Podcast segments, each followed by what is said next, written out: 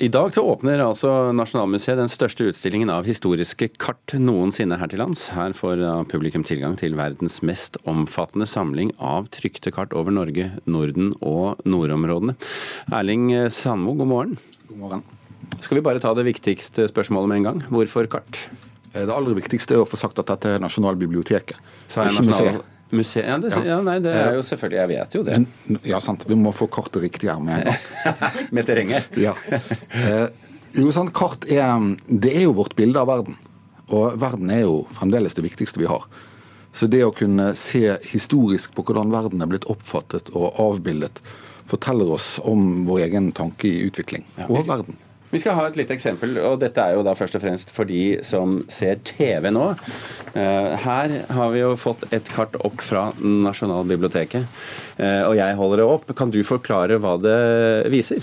Dette er det første trykte kartet over Norden fra 1482, med en fargepalett helt til å dø for, altså.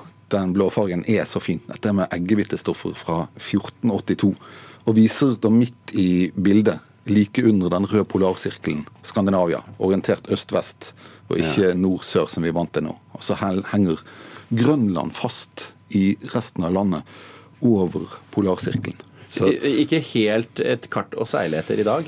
Ikke i dag, eh, og antagelig ikke å seile etter i 1482 heller. Men man begynner å kunne lage det. Sant? Og dette er altså laget av folk som jo aldri har sett verden ovenfra.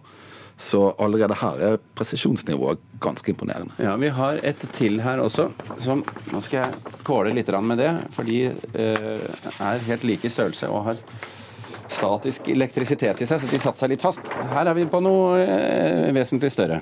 Ja, dette er like gammelt. Det er et tysk kart fra 1482 og er et verdenskart som vi ser da eh, ti år før Columbus. Så her kunne Columbus argumentere med at hvis du seilte ut til venstre, så vil du komme inn til høyre. Ja. Og eh, det hadde vært riktig hvis ikke Amerika hadde vært der. og så er det det første kartet som, trykte kartet som har med Skandinavia helt der oppe. Ja. Og frem til man laget dette kartet, så hadde man fulgt en gresk geografisk tanke som sa at det var ikke sivilisert liv så langt nord. Nei. Men da man eh, endte opp med å mene at det var det, så måtte man bygge et lite anneks på toppen der. Da, sånn de, har sånn noenlunde koll på kontinentet Europa? Det er veldig fint. Jeg må si det, det er ordentlig bra. Ja. Ja, da, og, og, Midtøsten, men, men der, der, nordover der så er det tynt? Vi blir oppdaget i løpet av den utstillingen som vi nå har laget i Kartsenteret. Som viser utviklingen fra disse kartene og, og frem til eh, kart som vi fremdeles kan gå tur etter. Men, men hva forteller så gamle kart oss i dag? Eh, den utstillingen som vi har laget her, forteller dels om prosessen med å oppdage Norden og Norge. Og det er lenge en prosess som drives utenfra. Er først, vi er først og fremst et nederlandsk prosjekt. Nederlanderne skal enten forbi for å finne nordøstpassasjen til Asia, eller de skal stoppe her for å handle med, med nordmennene.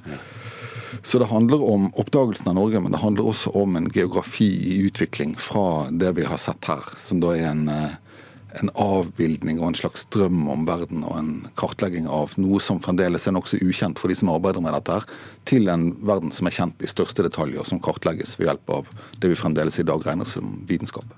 Men, men forteller kartene oss noe som eh, tekstene ikke forteller oss?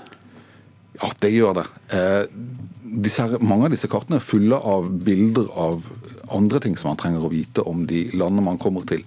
Men det er også en historie dette her om verdsliggjøring, om sekularisering av tanken. Sånn at Hvis man går tilbake til tiden før disse kartene her, så er Jerusalem typisk i midten på verdenskartene som verdens naturlige sentrum. Så det handler også om kartleggingen av en verden som i stadig større grad bare blir rom og mindre ånd, om man kan si det så forblommet. Så hva kan vi i dag, 2019, lære av disse kartene?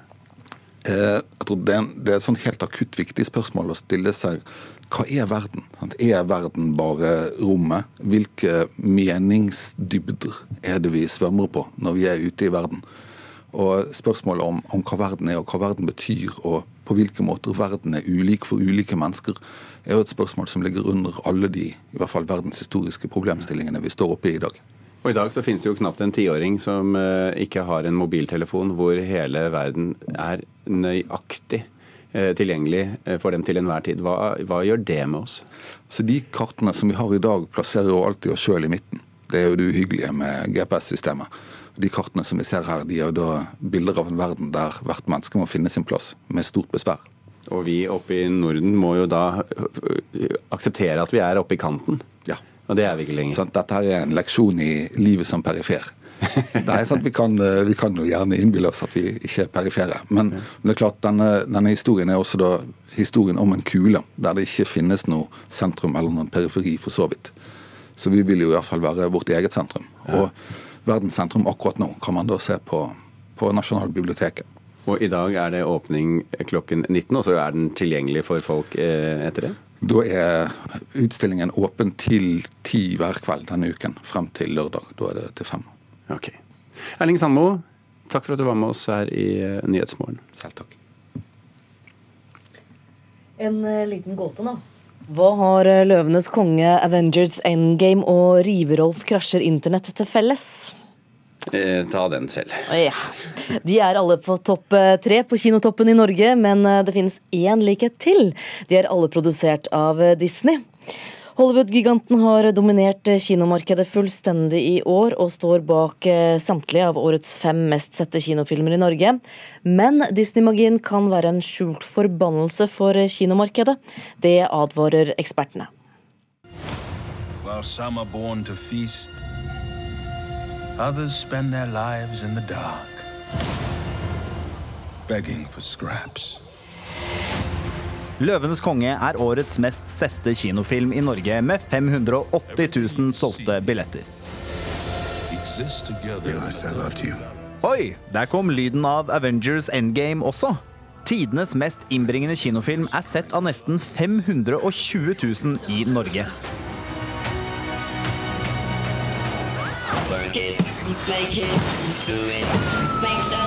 Ops! Der blandet Riverolf krasjer internett seg inn i lydbildet også.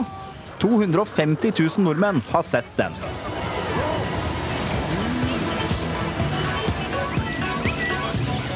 Det ble kanskje litt mye Disney i høyttaleren nå? Sånn. Disney står helt eller delvis bak første til femteplass på kinotoppen i år. Eller som daglig leder Guttorm Petterson i bransjeorganisasjonen Film og Kino sier det Nei, det er sjelden at eh, ett selskap dominerer slik som nå. Men er det noe så farlig med mye Disney-magi på kino, tenker du kanskje? Eh, absolutt. Eh, det ene er at eh, det er uansett skummelt med en aktør som får for stor makt. Sier Dagbladets anmelder Inger Merete Hobbelstad. Det vi ser på Disneys Disney suksess, er at det er eksisterende persongallerier som de spinner og spinner og spinner videre på, eh, i stedet for at man lager noe nytt og spennende. Bredden og variasjonen i populærkulturen kan bli skadelidende, mener Hoppelstad. En fare ved det er at kulturelle referanser som tidligere har vært selvfølgelige, kan forsvinne. Ironisk nok er en kommende Disney-film et godt eksempel på det. Nå kommer jo Toy Story 4, og der er jo hovedpersonen er jo en cowboydukke. Og saken er at det er så lenge siden det var en cowboy, en vanlig cowboy i en barnefilm eller en familiefilm. Jeg vet om foreldre som har oppdaget at cowboyer, det sier ikke barna. Og slik blir det jo når eh, en type fortellinger på en måte sparker alle de andre ut av vei. I USA selges nå hver tredje kinobillett til en Disney-film. Fordi selskapet eier både Marvels superhelter, Pixar, Star Wars og sine egne animasjonsklassikere. Men Disneys skjønn på markedet kan fort bli et udyr, og ikke bare for kinotilbudet, tror filmanmelder i Morgenbladet Ulrik Eriksen. Nå har de jo denne nye strømtjenesten, som, som, også kommer til å trolig bli ganske dominerende etter hvert. Og hvis de på en måte både har den kino dominans og strømdominans, så begynner det å ligne liksom noe som Da måte, har de kanskje i overkant stor eh, innflytelse, da. Og eh, det er jo ikke helt sunt. Disney lanserer strømmetjenesten Disney Pluss i november. Den skal de bl.a. fylle med innholdet de fikk da de kjøpte opp konkurrenten 20th Century Fox tidligere i år. Det oppkjøpet burde få varsellampene til å lyse, mener Eriksen. Det er jo en slags monopolisering som foregår. Altså, det ligner jo litt på at, sånn som avismarkedet var i mellomkrigstiden i USA, hvor de største avisene kjøpte opp uh, mellomstore aviser utelukkende for å legge dem ned, sånn at man mistet en, en brysom konkurrent. Så For Disneys del så tenker jeg jo at strategien i større grad er liksom å ja, prøve å bare dominere totalt. Da. Og det er de jo litt i ferd med å klare. Ja,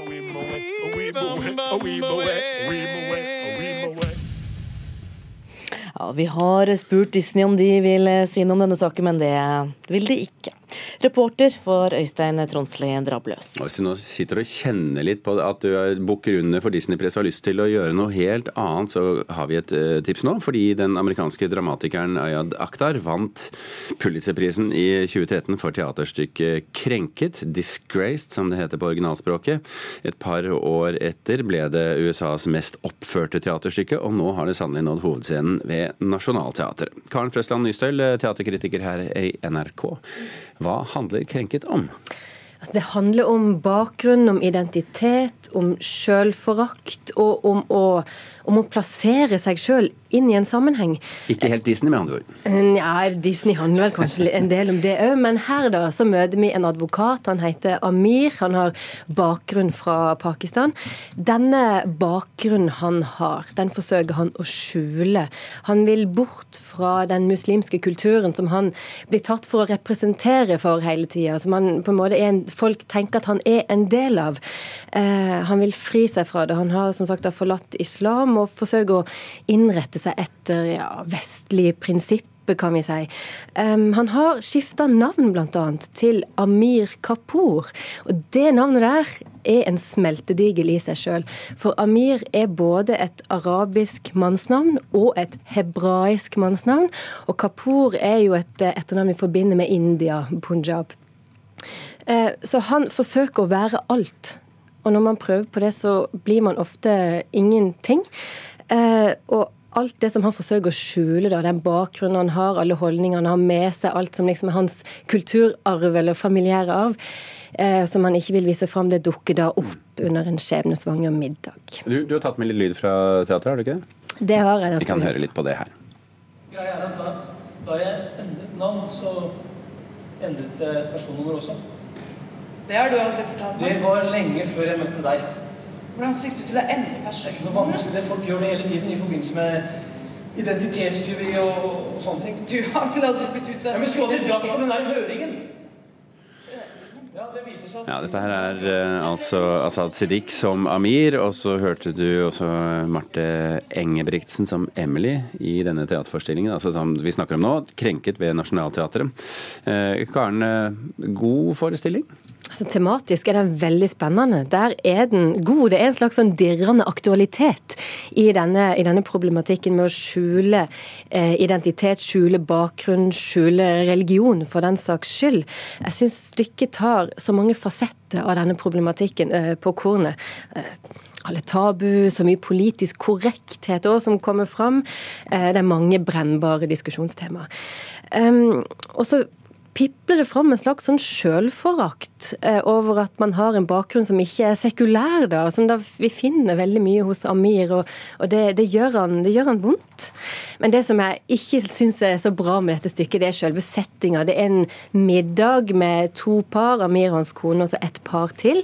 Der, og når man sitter og spiser og har en middag på scenen, så sitter man liksom så ut mot salen. Man sitter liksom på rekke drikke og spise, og det ser bare så rart ut. Det er så utrolig lite dynamisk scenebilde. Da. Altså, det syns jeg den type dramatikk alltid lider under, og det gjør den her òg.